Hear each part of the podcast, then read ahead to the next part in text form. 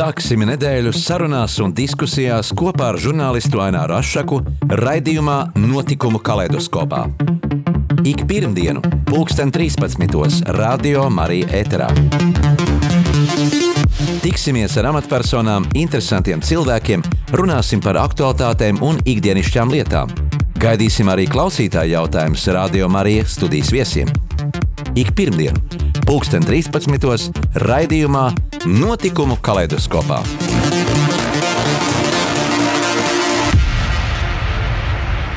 Esiet sveicināti, cienījamie radio klausītāji.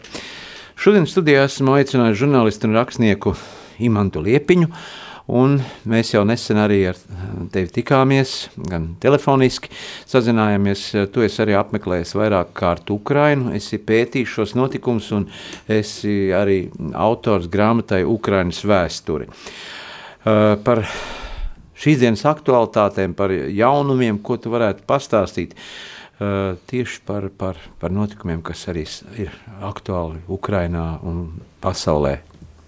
Jā, sveiciens visiem. Tātad um, mans devums Ukrainas jautājumos ir tāds, ka nu, es pats jau sen, jau 11 gadus regulāri braukāju uz Ukrajinu dažādos, dažādos nolūkos. Esmu arī Latvijas medijos visādos taisījis dažādas reportāžas no Ukrajinas.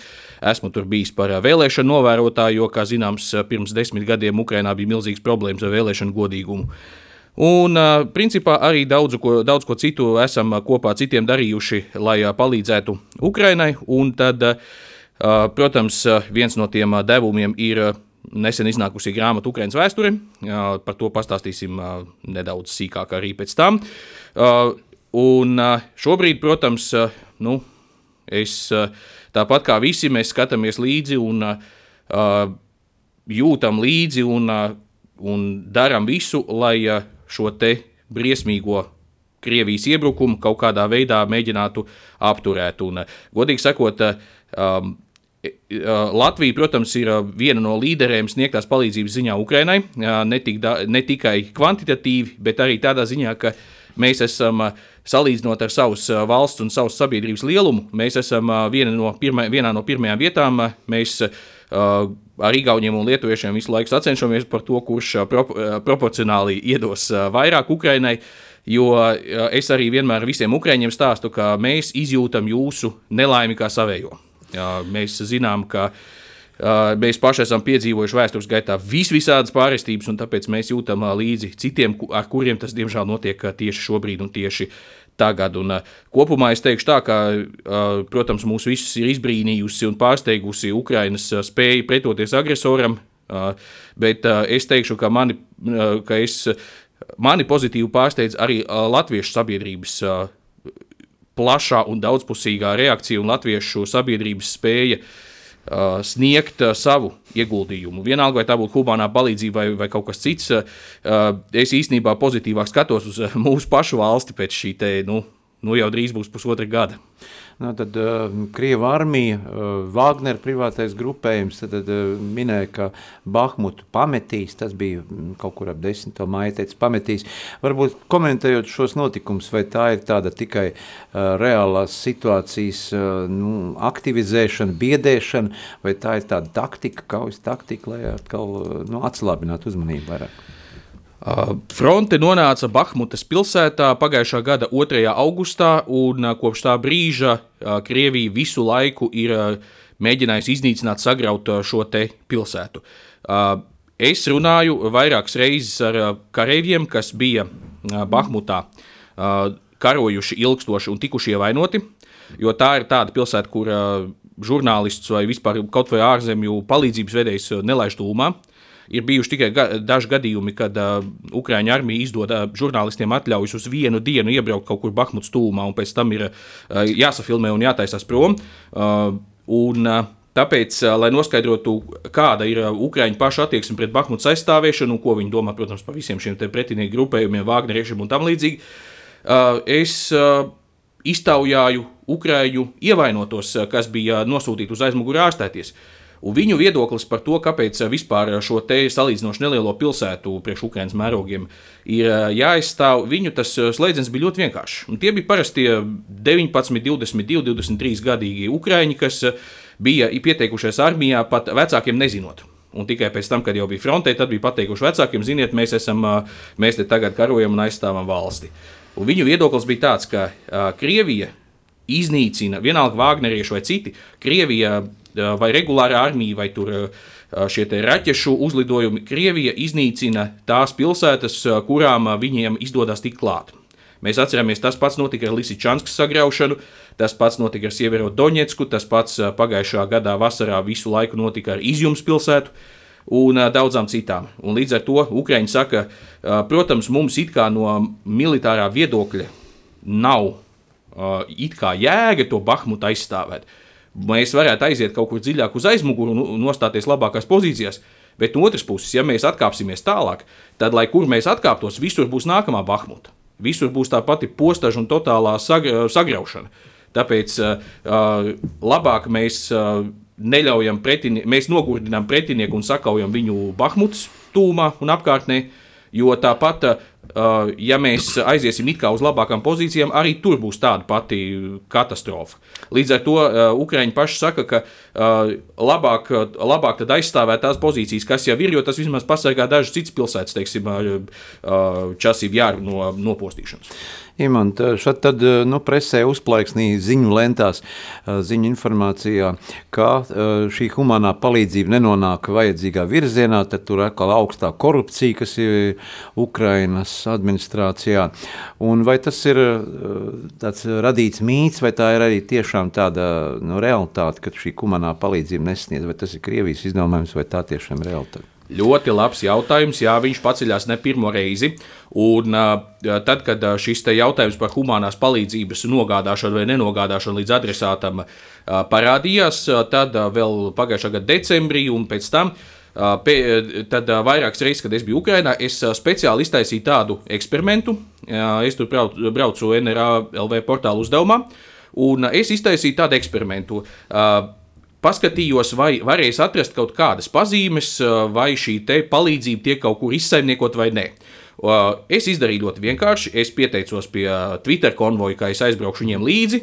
Nu, ne pirmo reizi, protams, aizbraucu līdzi, un tajā brīdī, kad Twitter konvojisti griezās atpakaļ uz Latviju, atdodot savas nu, visas mašīnas ar aizvesto kravu, nododot Ukraiņu pusē, Tad uh, es vienkārši braucu ar tiem ukrāņiem tālāk. Un, uh, no, uh, no robežas punkta cauri Rāva Ruskai uz Ļuvivu, un tad es tā neuzkrītoši skatījos, kur tad tā krāva aiziet. Un, uh, tur, protams, tā kā Twitter konvojā vienmēr ir daudz braucamie, tad katrā iekšā ir sava krāva. Uh, un tad, uh, tad mēs redzējām, ka šī te automašīna aiziet pat taisno uz Bahmutu. Uh, nākamā automašīna, uh, tai, uh, tas uh, mikroautobusa krāvas kasti tur viss sabāstais aiziet vispirms uz Kīvu, uz konkrētu palīdzības organizāciju, un pēc tam mašīna pati tālāk aizies, tas bija laikam uz Harkivas apgabalu. Savukārt Azoviešiem domātais sūtījums, tas uzreiz nonāca pie, pataisno pie Azovas aizmugures vienībām, pie medicīniskā korpusa uh, un pie, um, pie viņu apgādes vienībām. Un azovieši bija priecīgi parādīt, cik viņiem viss ir uh, operatīvi pareizi uh, sakārtots. Viņi izrādīja medicīnisko noliktavu, kas ir ierīkota Ļuvijas pilsētas centrā, pazemē, ko ir tādas pazemes pagraba telpas noliktavas atvēlējuši vietējie uzņēmēji. Parādīja, pastāstīja, kā visa šī te medicīniskā palīdzība aiziet pēc tam, pēc vajadzības nākamajā vai aiznākamajā dienā. Viņi skatās, kurā vietā kāda palīdzība ir vajadzīga, un viss aiziet nākamajā dienā pa taisnos fronti. Tas kas, pār, tas, kas nav vajadzīgs frontei, tas tiek ar vietējā uzņēmuma Nova Pošta palīdzību izsūtīts pa visu Ukrainu, kur vajag. Tad vēl man aizved parādīt, nofilmēt garāžas, kur stāv aizsūtītais transports gan medicīniskie transporta līdzekļi, gan vispārējie, džipi priekš frontes un džipi priekš izlūkiem un tam līdzīgi. Un, uh, tikai tās fotogrāfijas uh, man teica, nelikt sociālos tīklos, jo tur blakus ir militārais objekts, to krieviem nevajag zināt. Bet uh, Ukrāņi bija priecīgi izrādīt uh, pilnīgiem svešiniekiem uh, visu, cik ļoti viņi uh, uzreiz atdod vajadzīgajiem adresātiem visu šo saņemto palīdzību.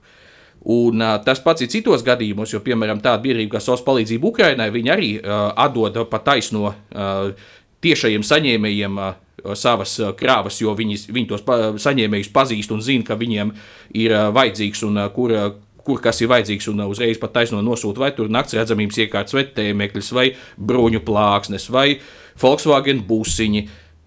Un, patiesībā Ukrainā jau deviņus gadus pastāv tāda tradīcija, ka visi šie ziedojuma saņēmēji pēc tam uh, nof nofilmē vai nofotografē tādu pateicības bildi vai video un atsūta, kur parāda, ka tas tā aizvestā palīdzība. Rokās, man. jā, jā, jā, tieši tā, ka uh, saka, teiksim, mēs tur 96. teritoriālās apsardzības uh, brigāde, mēs pateicamies ziedotājiem no tādas un tādas valsts par to, ka esam saņēmuši lūk šo te aprīkojumu. Uh, Tāpēc tie, kas, un tāpat arī citi cilvēki, protams, ir pārbaudījuši šo te, iespējamo palīdzības izsaimniekošanu. Un, ka ļoti retos gadījumos ir atraduši, ka tur ir kaut kādas problēmas. Lielākoties viss ir, viss ir pareizi. Viens, pirms mēneša bija viens tāds gadījums, kad atradās noliktavā tur gandrīz 100 tonnas ar aizvestu pārtiku, kuru neviens nebija izdalījis. Bet pēc tam, kad šo noliktavu atrada, protams, to visu ņēma un izlietoja. Tā, tā bija tāda īslaicīga aizķeršanās. Un uh, amerikāņi savukārt izveidoja pat uh, kaut kādu speciālo palīdzības uh, līniju, telefonu, kurā visi cilvēki varēja zvanīt uh, un ziņot mm. par iespējamu uh, amerikāņu palīdzības uh, izšeptēšanu. Tur tika saņemti kaut kādi, man liekas, vairāki simti ar uh, ziņojumiem. Uh, visi tika pārbaudīti. Un, uh, Uh, tikai divos gadījumos atklājās kaut kādas problēmas, pie kām abos divos gadījumos tās bija tādas, ka tur nebija sakārtota tā izdalīšanas procedūra pareizi, to uzreiz savēt kārtībā un problēmas novērst pirms viņas ir radušās. Tā kā es vai citi, mēs, mēs, mēs tiešām mēs speciāli meklējām, bet mēs neatradām pazīmes, ka šī te uh, palīdzība tiktu kaut kur izsaimniekot vai izšeptēta. Jā, kas pat... attiecās uz leģendāro, vēl viens sīkums, kas attiecās uz leģendāro Ukraiņas korupciju, tā visa tagad jau ir lielā mērā pagātnē. Tas attiecās tieši uz prokremliskā prezidenta mhm. Janukoviča valdīšanas laiku. Nu, tur 90. gadi tur Kučma, un, um, un vēl bija tāds uh, ekspremjeras uh, Azārovs, kura laikā tur bija pamatīga korupcija.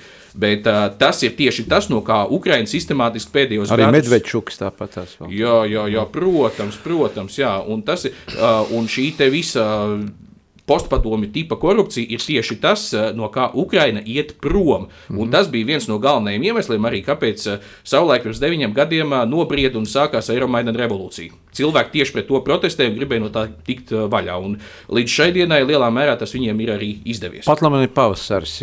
Ukraina ir graudu klēts, bet nu, cik mēs arī tur informāciju zinām, tad Ukraina ir ļoti, ļoti piesārņota, teiksim, ar, gan ar fosforu uh, ieročiem m, mm, tiek karots, gan arī mm, samīnēts un dažādas avio bumbas un viss, kas šī teritorija ir neticami uh, īsā laikā, faktiski pusotru gadu laikā ir padarīta nu, par m, mm, ieroču piesārņojumu. Kā, to, uh, kā ir iespējams šobrīd Ukrainai ekonomiski atgūties un darīt kādus lauku darbus, lai, lai, lai varētu kaut ko tomēr iestāt? Labā ziņa ir tāda, ka Ukrainā lauksaimniecības zeme ir nu, teikšu tā, reizes trīs vairāk nekā ir viņiem pašiem vajadzīgs. Līdz ar to, ja šobrīd kaut kādi 10-20% no valsts teritorijas ir pakļauti kara darbībai, tad visā pārējā teritorijā tomēr notiek. Notiek lauku darbi, notiek, notiek visas fermeru aktivitātes, darbojas lielie agroholdingi.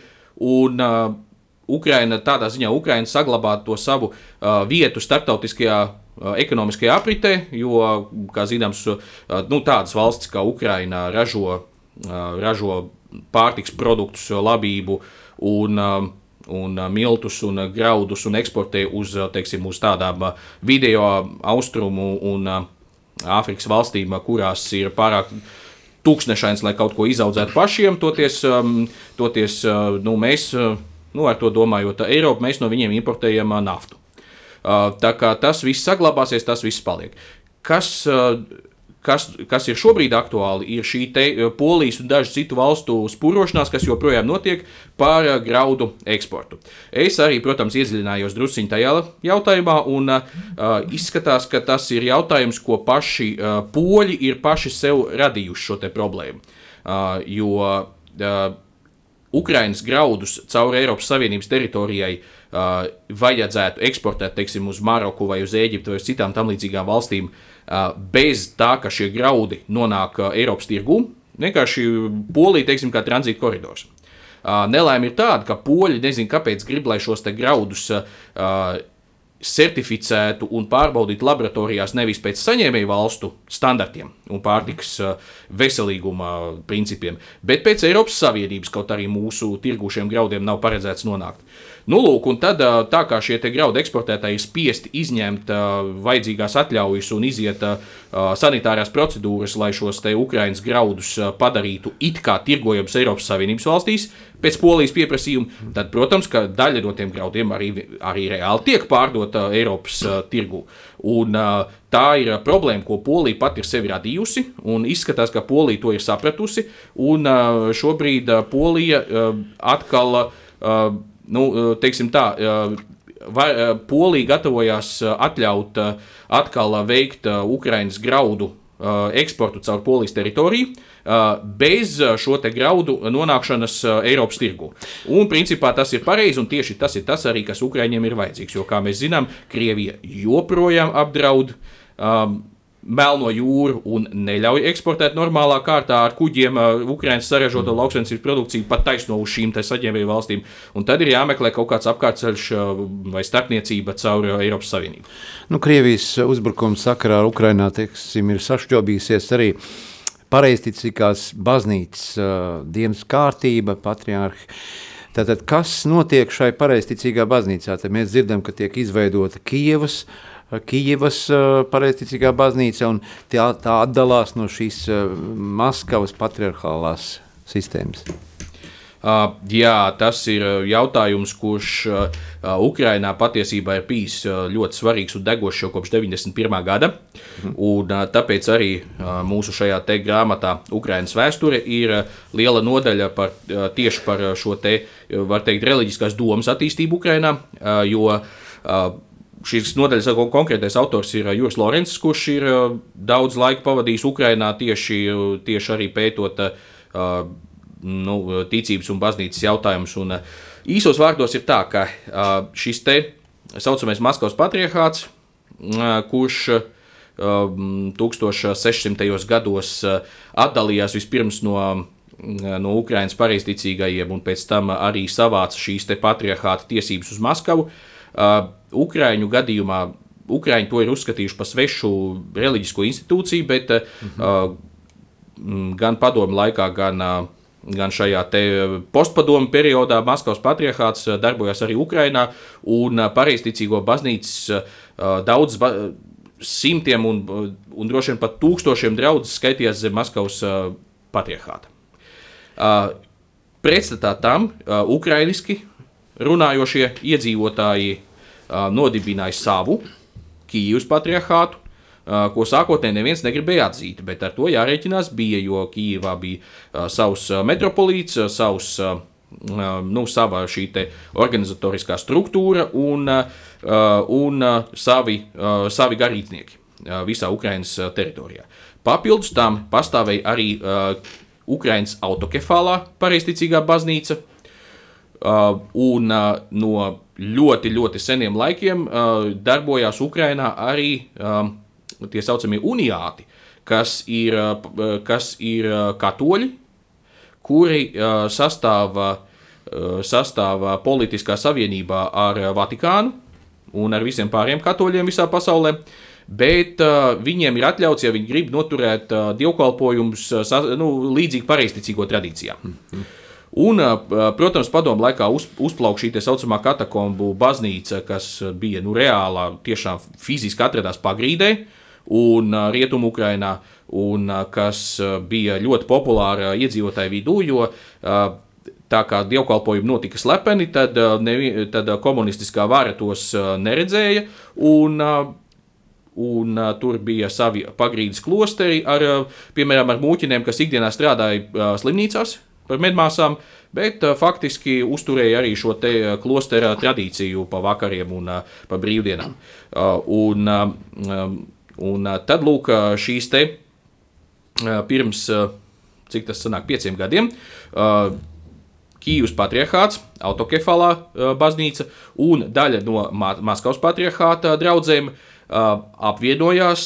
Bija šis te milzīgā apvienošanās sapulce, kongress, kurā šīs te iepriekš atsevišķās reliģiskās organizācijas izveidoja savu Ukraiņas pareizticīgo baznīcu, kura noslēdza, kurai Nu, es, es, protams, es nezināju, ka tam tā ir jābūt, bet viņi saņēma oficiālu atzīšanas rakstu no Konstantinopolis patriarha, kurš skaitās tas senākais un svarīgākais no visiem šiem pareizticīgo patriarchiem, un šo dokumentu Tomosu to Ukrainas Ukraiņas pareizticīgā baznīca saņēma tādā ziņā, ka tagad viņa ir tikpat, nu, var teikt, vienā līmenī ar Maskavas patriarchātu, tādā starptautisko attiecību ziņā, un viņa, viņa var noturēt uh, noturēt dievkalpojumus ukrainiski un vairs nesūtīt naudu uz Maskavu, kas bija viens no svarīgākajiem momentiem. Bet papildus tam, protams, Ukrainā tāpat notiek gan, gan šo te uniātu dievkalpojumi, viņiem ir sava struktūra, ir grieķu katoļi, ir Romas katoļi un arī dažādi citi. Un, protams, Krīmas tatāri tie tradicionāli ir sunīti musulmaņi. Un, protams, Ukrainā ir arī ļoti daudz jūdaisti ebreji. Tā kā uh, Ukrainā ir tik liels uh, ticīgo spektrs, uh, kādu mums ir grūti pat stādīties priekšā. Cik šobrīd ir droši doties uz Ukrajinu? Piemēram, nu, kādā ceļojumā, sanatorija vai apciemot rādus atsevišķu reģionu, tad, tad ir kur karo, kur ir slēgtās tātad kara zonas, bet nu, no Rīgas autobus arī pat labi ir autobusi uz Kīvu, ir uz Ļīvu, lidmašīnas gaisa telpa tad ir slēgta, bet nu, dzelzceļš autobusu satiksmi tomēr notiek.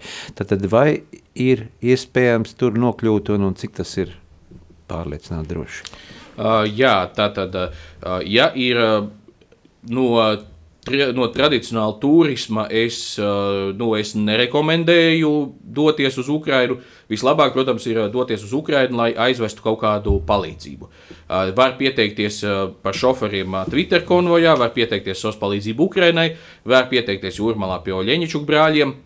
Uh, un tāpat arī var griezties savā pašvaldībā, jo man liekas, tagad jau, ja, nu, atskaitot varbūt viedīgi Daugopilu un Rēzekni, bet uh, daudzas pašvaldības Latvijā uh, regulāri arī sūta savākto, nu, paši iedzīvotāji savākto humano palīdzību un tādas mantas, ko ir, teiksim, varējuši, uh, nu, kas nav vajadzīgs slimnīcām vai uh, vai vietējiem autobusu parkiem, tad nu, tas tiek aizsūtīts uz Ukrajinu. Tur kad, droši konvojējot, tiek pavadīts. Uh, jā, protams.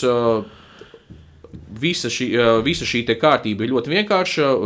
Vedot jebkādu humano palīdzību uz Ukrajinu, uh, būs eh, uz Polijas-Ukrainas robežas būs eh, zaļais koridors, bet vispirms labāk, protams, lai zinātāji palīdz sarakstīt dokumentus, jo, piemēram, pavadot valkas dāvāto humanās palīdzības autobusu, es uzzināju vienu lietu, ka, lūk, nu, svarīgi bija atdot to autobusu. Tas autobus bija diezgan pavecs, bet darba kārtībā. Valks novadam viņš nebija vajadzīgs, nu tad viņi atdāvināja Ukrainai. Un konkrēti nopostītās Mariupoles pašvaldības iestādēm, kas ir tagad darbojas evakuācijā citās vietās. Pirms dažiem mēnešiem arī Rīgas satiksmes autobusi tika nogādāti Kīvai. Nu, vai tev ir kāda informācija arī, kā šie autobusi tur kursē? Un... Jā, tie autobusi bija ļoti, ļoti noderīgi. Viņi uzreiz devās Rīgas satiksmes autobusi kopumā līdz šim brīdim 21, bet iespējams, ka būs vēl. Mhm. Viņi uzreiz devās reisos, jo viņi nonāca Ukrajinā tā, ziemā tajos apstākļos, kad uh, Krievi visu laiku ar raķetēm apšaudīja Ukraiņas elektrostacijas. Un, uh, ļo, un, uh, ka, gandrīz katru dienu bija tāda situācija, ka nebija elektrība. Uh, un tas nozīmē to, ka Kijivā nevarēja darboties tramvajs un trolēbus.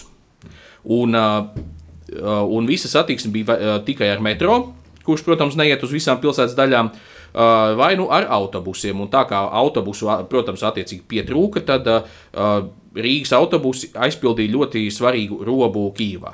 Un tāpat arī citi autobusi, kas ir nonākuši citās Ukraiņas daļās, viņi arī izpilda ļoti svarīgu funkciju, jo, piemēram, no, no kā man stāstīja autobusu parka dalība, darbinieki no Mariupoles, viņiem bija 150 autobusu, no kuriem izdzīvoja tikai viens. Tas tagad ir Vīnīcijā.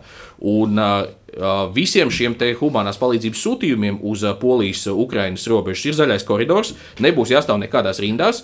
Tā robežas šķērsošanas procedūra parasti aizņem nu, 2-3 stundas maksimums. Tas ir visu dokumentu noformēšana abās pusēs.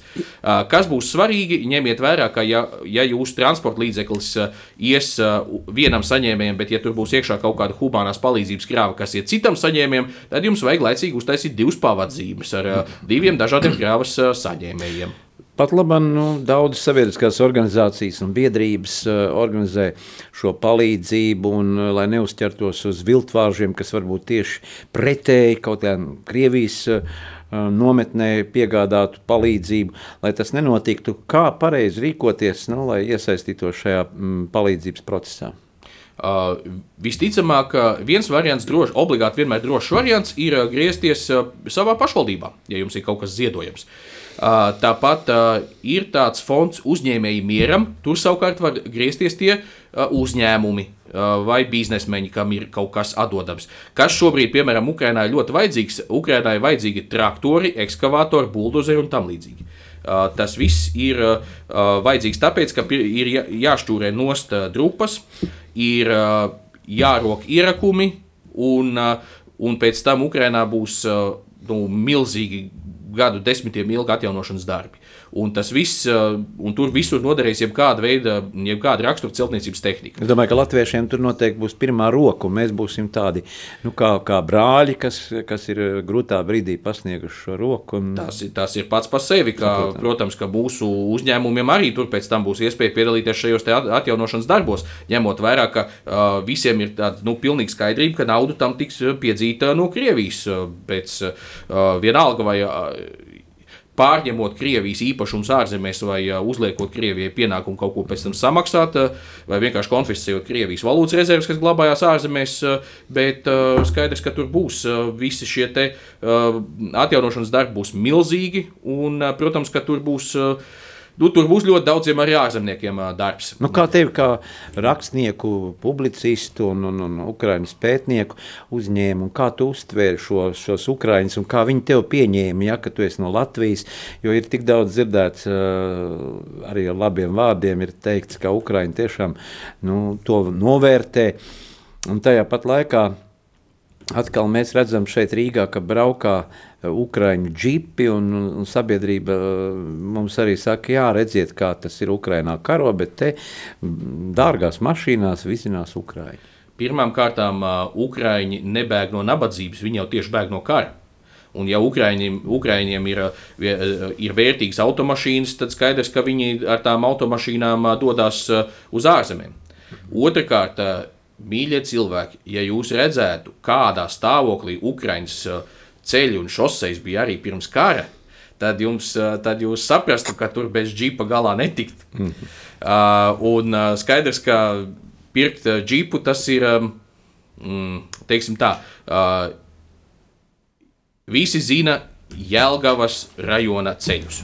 Tad, lūk, Ukrainā tie ilgus gadus uh, ja šādi Jēlgavas rajona ceļu līmenis, ka tas izskatītos ļoti, ļoti kaut kas labs un, un, un ideālā kārtībā esošs. Bēdres Ukrainā tas ir mūsu pašu šoferi, kas lamā, lamā mūsu bedres. Viņi nevar iedomāties, kāda Ukrainā bija vēl pirms kara šie te, uh, ceļi un šoseis. Tas kas, ta, tas, kas pēdējos gados tika izdarīts, piemēram, tika uh, no Mariupols līdz Zaporižai, tika atjaunota visbriesmīgākā stāvoklī esošā šoseja, un kas ir tagad noticis, Krieviņi ir sabumbojuši atkal. Uh, tā kā, jā, kas ir jāņem vērā, ka vīrieši no Ukrainas izbraukt nevar tikai pēc 60 gadu vecuma. Uh, nu, vai līdz 18. Uh, un uh, izbraukt var vienīgi tie, kas dodas kaut kādos speciālos darbu uzdevumos, uh, vai arī tie, kas ir daudz bērnu tēvi. Tā kā, tā kā nu, ļoti daudzi, kas ierodas. Latvijā uz ārstēšanos, pēc tam ņem un aizbrauc atpakaļ. Neliela muzikāla pauzīte, un tad sarunu turpināsim ar mūsu šīsdienas viesu, ar žurnālistu, rakstnieku Imantu Liepiņu.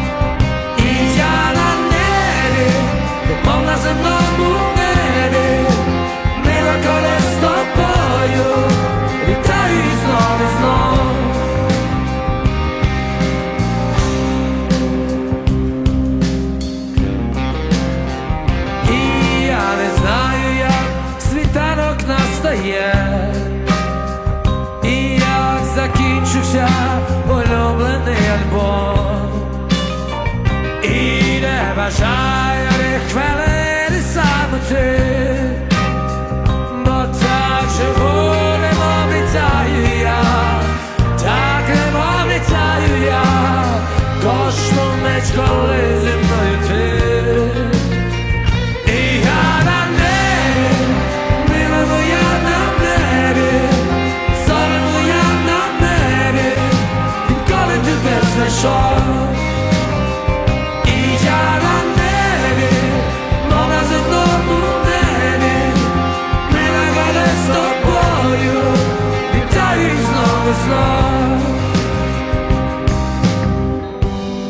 часом коли я сам не свій, і в голові дивні думки, і на душі сумно згадую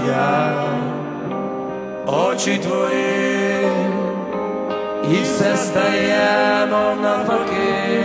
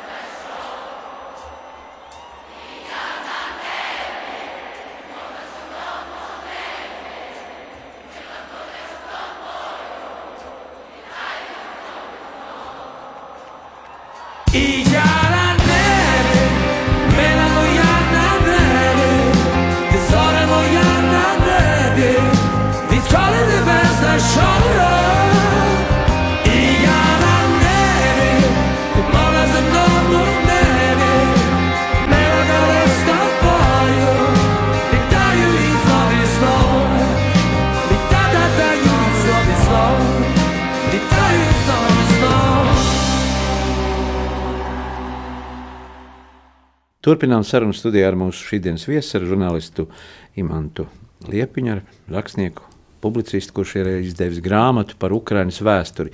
Tad, tad nedaudz par šo um, tavu, tavu, um, tavu grāmatu, kas, kas aizpildīja varbūt tukšo robu arī mūsu Latvijā. Um, jā, uh, nu, viena lieta pēc, uh, pēc Eiropas revolūcijas un pēc uh, kara Donbassā un pēc Krimas aneksijas es uh, uzrakstīju tādu grāmatu. Um, Ukraina dzīvība, nāve un iekšējā revolūcija. Atsliecinieks stāsts. Tā jau tagad ir uh, sen izpirkta. To var dabūt, bet bibliotekās, protams, var dabūt. Tā kā, ja kādi interesē, paplasi, paprasiet, um, paprasiet Imanta Liepiņa grāmatas uh, tuvākajā bibliotekā. Uh, Svaigākais uh, darbs ir uh, Ukraiņas vēsture, 400 lapuses uh, cietajos vākos. Uh, Mēs uh, pirms gada ar izbrīnu konstatējām, ka nav latviešu valodā viena tāda kārtīga grāmata, kur būtu apskatīta Ukraiņas vēsture pilnā apmērā. Un tad, um, uh, pateicoties uh, izdevniecības Jūmava iniciatīvai, mēs uh, savācām uh, tādu 13 autoru kolektīvu, uh, kurā uh, ir uh, Ukraiņas vēstures uh, vai nu pētnieki, vai zinātāji, vai uh, aculiecinieki. Un, piemēram, tur ir, uh, tur ir, protams, ir pašu Ukrāņu autori, uh, ir uh, latviešu vēsturnieki, kas ir kaut ko pētījuši saistībā ar Ukrainu. Uh, un tad, protams, ir arī tādi cilvēki kā es, uh, kas, ir, kas nav vēsturnieki, bet kas ir bijuši klāt tajā brīdī, kad tā vēsture notiek. Un, tāpēc mums te ir tāds, nu, mums, mēs, mēs te tā pārskrējām pāri un pieķērāmies visām svarīgākajām uh, Ukraiņas vēstures nu, posmiem, epizodēm. Ir, ir gan par senu vēsturi, un grāmata ir sastādīta tādā veidā, ka video var lasīt no jebkuras vietas, atkarībā no tā, kas cilvēkus interesē. Piemēram, var sākt ar Ukraiņas senvēsturi, ja cilvēks interesē mūsu kopīgā un Ukraiņas vēsture, jo, kā zināms, indoeiropiešu pirmvaloda, no kuras ir attīstījušās gan irāņu, gan indiešu, gan, uh, gan baltu valodas, uh, gan pat latīņu valoda. Uh, šīs te indoeiropiešu pirmvalodas uh, dzimtene ir uh, tieši Ukraiņas stepēs. Savukārt, uh, ja jūs interesē uh, viduslaiku vēsture, tad var lasīt par mongoļu tatāru iekurojumiem un uh, to ietekmi uz Ukraiņas sabiedrību. Uh, Ja interesē Ukraiņas valstiskuma dzimšana, tad var lasīt uh, ģenerāļa Pētera Radziņa atmiņas par to, kā viņš uh, 1918. un 19. gadā karoja Ukrainā. Uh, pirms kļuva par uh, Latvijas armijas komandieri, mm -hmm. sasita Bermotiešus un pēc tam sarkanos, uh, sarkano armiju 1920. gadā. Uh, Gatis Krūmiņš no Vidzemes augstskolas ir raksta par ekonomiskiem salīdzinājumiem starp padomju laikā, starp padomju varu Ukrainā un Latvijā. Tad ir diemžēl visi šie Golodomora padomju terora un tam līdzīgie periodi. Nu tad, un savukārt tad ā, Raitis Samets ir uzrakstījis, kā Černobiļas ā, seku novērsējs, ir uzrakstījis savas personīgās piezīmes un atmiņas no 1986. gada ar nosaukumu Tumsa dzērums radiācija Černobiļa iesācējiem. Ā, Krimas tātāru politiskais līderis uh, Refats Čubarovs, kurš savulaik bija latviešu politiķis, Rīgas domas deputāts un Latvijas valsts arhīvu direktors 80. gados. uh, uh, Tas ir no, no viņa ir stāsts kā no Ukraiņa un kā no Krimas tātāra par Krimas tātāru vēsturi. Tad mums ir kolēģa Oleha Hudrīna materiāls par uh, 19. gadsimta nacionālo atmodu Ukrajinā un konkrēti caur rakstnieka Nikolai Gogoļa pieredzes prizmu. Nu, un, protams, tad ir, uh, tad ir Jūra Lorenza apskats par baznīcas vēsturi Ukrajinā. Un mans devums galvenokārt ir pati pēdējā, pati lielākā sadaļa, tas ir Ukraiņas mūsdienu vēsturē. Uh, Sākot no um, 2010. gada, nu, var teikt, tās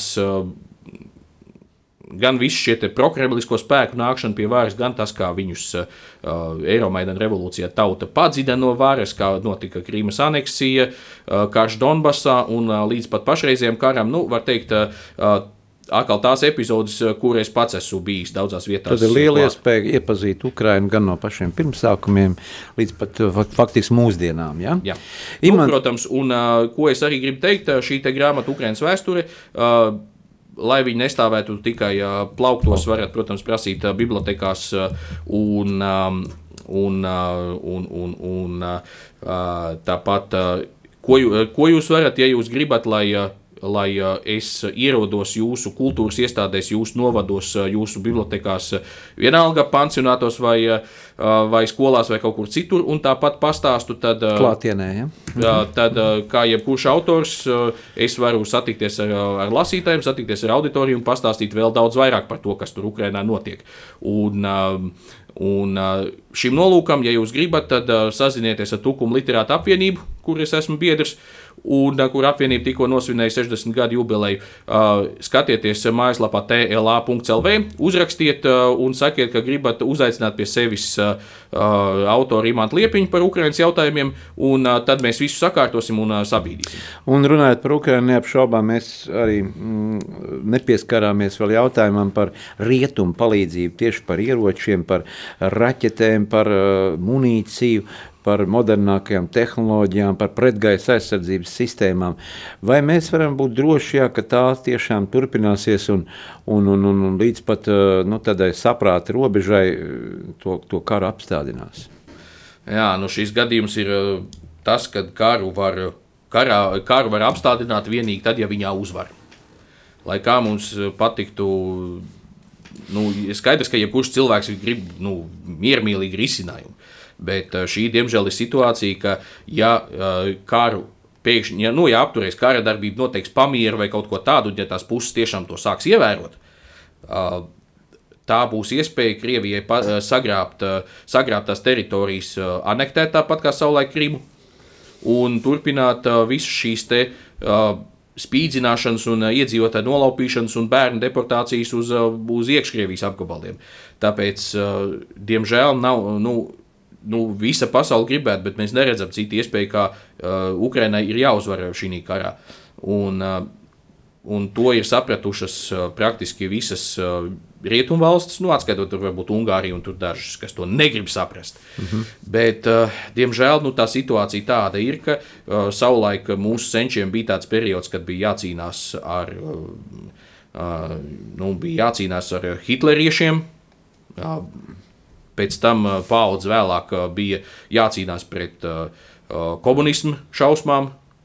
Un, Nu, nu, joprojām tas viss turpinās. Un, diemžēl, diemžēl tiem, tiem, kas mēs esam, mēs dzīvojam šobrīd, diemžēl mūsu, var teikt, vēstures uzliktais uzdevums ir palīdzēt tikt galā ar šo te, nu, ko mūsdienās sauc par rašismu. Uh, un, uh, nu, diemžēl nav, nu, mēs, nu, ja, ja, kā, ja, ja būs ideja, kā to visu kaut cik miermīlīgā veidā atrisināt, protams, ka visa pasaule izmanto šo iespēju. Nu, ja, pēdējos mēnešos Krievijā, arī, mm, Krievijā notiek arī dažādi incidenti un diversijas. Tur vilcieni tiek nolaisti no sliedēm un uzspridzināti uh, influenceri, kas ir propagandisti un uh, arī te mājas sākumā mm, virs uh, Kremļa, tad šis, uh, šī raķete vai ar dronu, kas tur nolaidās. Uh, tas viss tiek pasniegts varbūt tādā mērcē no Krievijas puses, ka to dara Ukrāņi, ka tā ir, ir pretreakcija, ja, ka viņi izrāda. Tad, tad eh, šeit ir daudz un dažādi viedokļi. Kā tu, kā tu to uzskati? Mm, es domāju, ka mēs to visu uzzināsim tikai uh, ilgi, ilgi pēc tam, kad šis, šis karš būs beidzies. Jo tāpat arī pēc, mēs atceramies pēc otrā pasaules kara, mēs tikai vēlāk uzzinājām par dažādām diversijām un sabotāžām, ko visas puses bija taisījušas pret otru. Un tāpat beidzās augstais karš, atgriezās Latvijas, Latvija izcīnīja neatkarību otrais. Un uh, Mēs tikai pēc tam uzzinājām par to, par, par mežbrāļu cīņām. Vēl tagad vēsturnieki, Turčīnskis un citi pēta. Vēl tagad viss nav zināms par uh, mežbrāļu cīņu pret uh, padomju varu. Tāpat nav zināms vēl viss līdz galam par šo te, piemēram, bija tāda VDK operācija ar nosaukumu Lursen S, uh, kas bija tā kā izlūkdienestu cīņa pret uh, Britu izlūkiem, kas savukārt gribēja pabalstīt šos meža brāļus. Tā kā es domāju, mūs arī pēc tam vēl Ukraiņas gadījumā. Mums... Ja padomju laikā viņi bija tautas ienaidnieki, tad šobrīd tie ir nacionālai varoņi. Uh, jā, un, un, un, un Un tā, tas pats šīs, un, ta, un tas ir tikai tāpēc, ka mēs beidzot vairāk vai mazāk uzzinām par, šo, par to, kā šīs te, nu, par visiem šiem iepriekš slēptajiem un, nu, kā teiktu, armijā klasificēto informāciju. Mhm. Un es domāju, ka tas pats arī pēc Ukrainas notikumu visām šīm beigām, ka tas pats mūs arī gaidīs un, mūs, un diemžēl tur būs arī ļoti daudz nepatīkams lietas, jo mēs redzam, tad, kad Ukraina atbrīvo kārtējo apgabalu, tad uh, tur visu, visās vietās ir bijuši spīdzināšanas pagrabi. Tas nav, tā nav nejaušība. Krievijas armija visur tāds ir rīkojusi.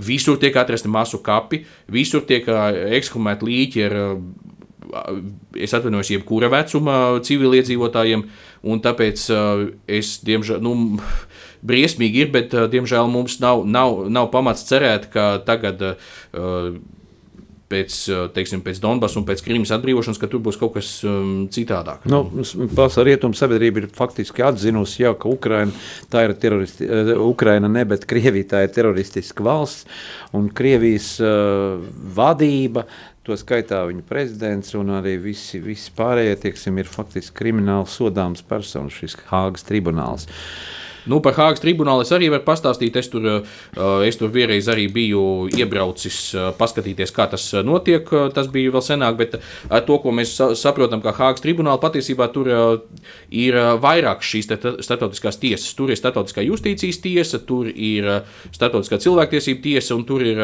atsevišķi arī šī starptautiskā krimināla tiesa. Un vēl šobrīd darbojas, iepriekš tur bija atsevišķais tribunāls Dienvidslāvijas kara noziegumu lietās, un, un vēl šobrīd tur darbojas Liberijas un Sierra Leonas pilsoņu karu noziegumu tiesa. Lūk, labā ziņa ir tāda, ka piemēram, latviešu tiesnesis Uldis Čīnis, kurš bija šī, šajā Hāgas tribunālā savulaik pa vienu no tiesnešiem, viņš atzīmē to, ka Dienvidslāvijas gadījumā, piemēram, tika tur gandrīz simts kara noziedznieki saukt pie tiesas. Daži arī tika attaisnoti, lai būtu teikt godīgi, bet izdevās pie atbildības saukt pilnīgi visus, kas bija paredzēti. Un tāpat arī Liberijas un Sierra Leonas pilsoņu karu jautājumos arī tur ir izdevies saukt pie krimināla atbildības un tiesāt eh, ļoti, ļoti augsti stāvošs cilvēks. Tajā skaitā Liberijas bijušo prezidentu Čārlis Tayloru, kurš arī tika notiesāts eh, uz 50 gadiem cietumā un šobrīd atceļ šos 50 gadus, eh, viņam draud vēl atbildība arī vēl vēl citās tiesās par citiem kara noziegumiem. Līdz ar to es teiktu, ka šī, šā, šim Hāgas tribunālam un, un visām tām starptautiskajām tiesām, kas, kas ir, patiesībā ir ārkārtīgi augsta, augsts efektivitātes procents tādā ziņā, ka ir izdodas saukt pie atbildības šos noziedzniekus. Un, uh, tas, nu, tas dod uh, patiesībā labas, uh, labu iespēju, ka arī Putins gaida tāds pats uh, liktenis. Jā, noslēgsim šo sarunu ar optimistisku noti, ar optimistisku prognozi, uh, varbūt kur visu pasauli gribētu. Arī, lai ātrāk tas viss beigtos, un tavs novēlējums mūsu rādījumam arī klausītājiem droši vien par šo tematu mēs varētu vēl ilgi un dikti runāt.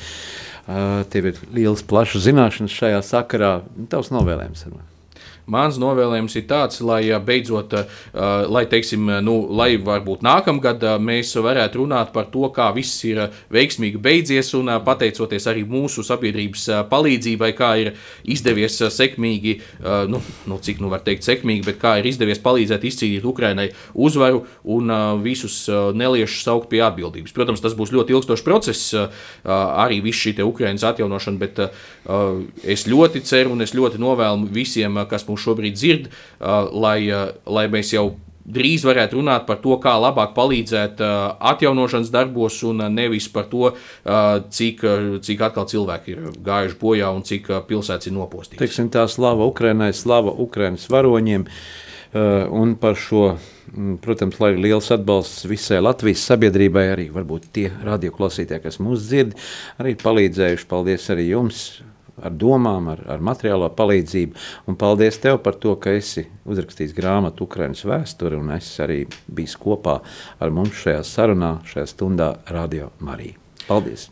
Ukraiņas medijos, kad es tur kaut ko uzstājos, es vienmēr beidzu ar vārdiem Možem Paftarīts. Paldies tev! Paldies!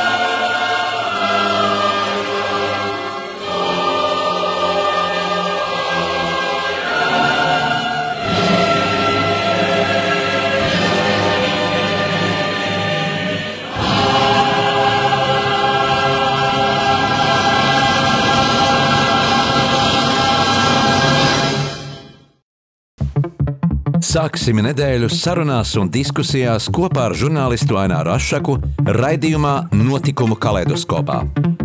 Ik pirmdienu, pulksten 13. Radio Marija Eterā. Tiksimies ar amatpersonām, interesantiem cilvēkiem, runāsim par aktuālitātēm un ikdienišķām lietām. Gaidīsim arī klausītāju jautājumus Radio Marijas studijas viesiem. Ik pirmdienu, pulksten 13. raidījumā Notikumu kaleidoskopā.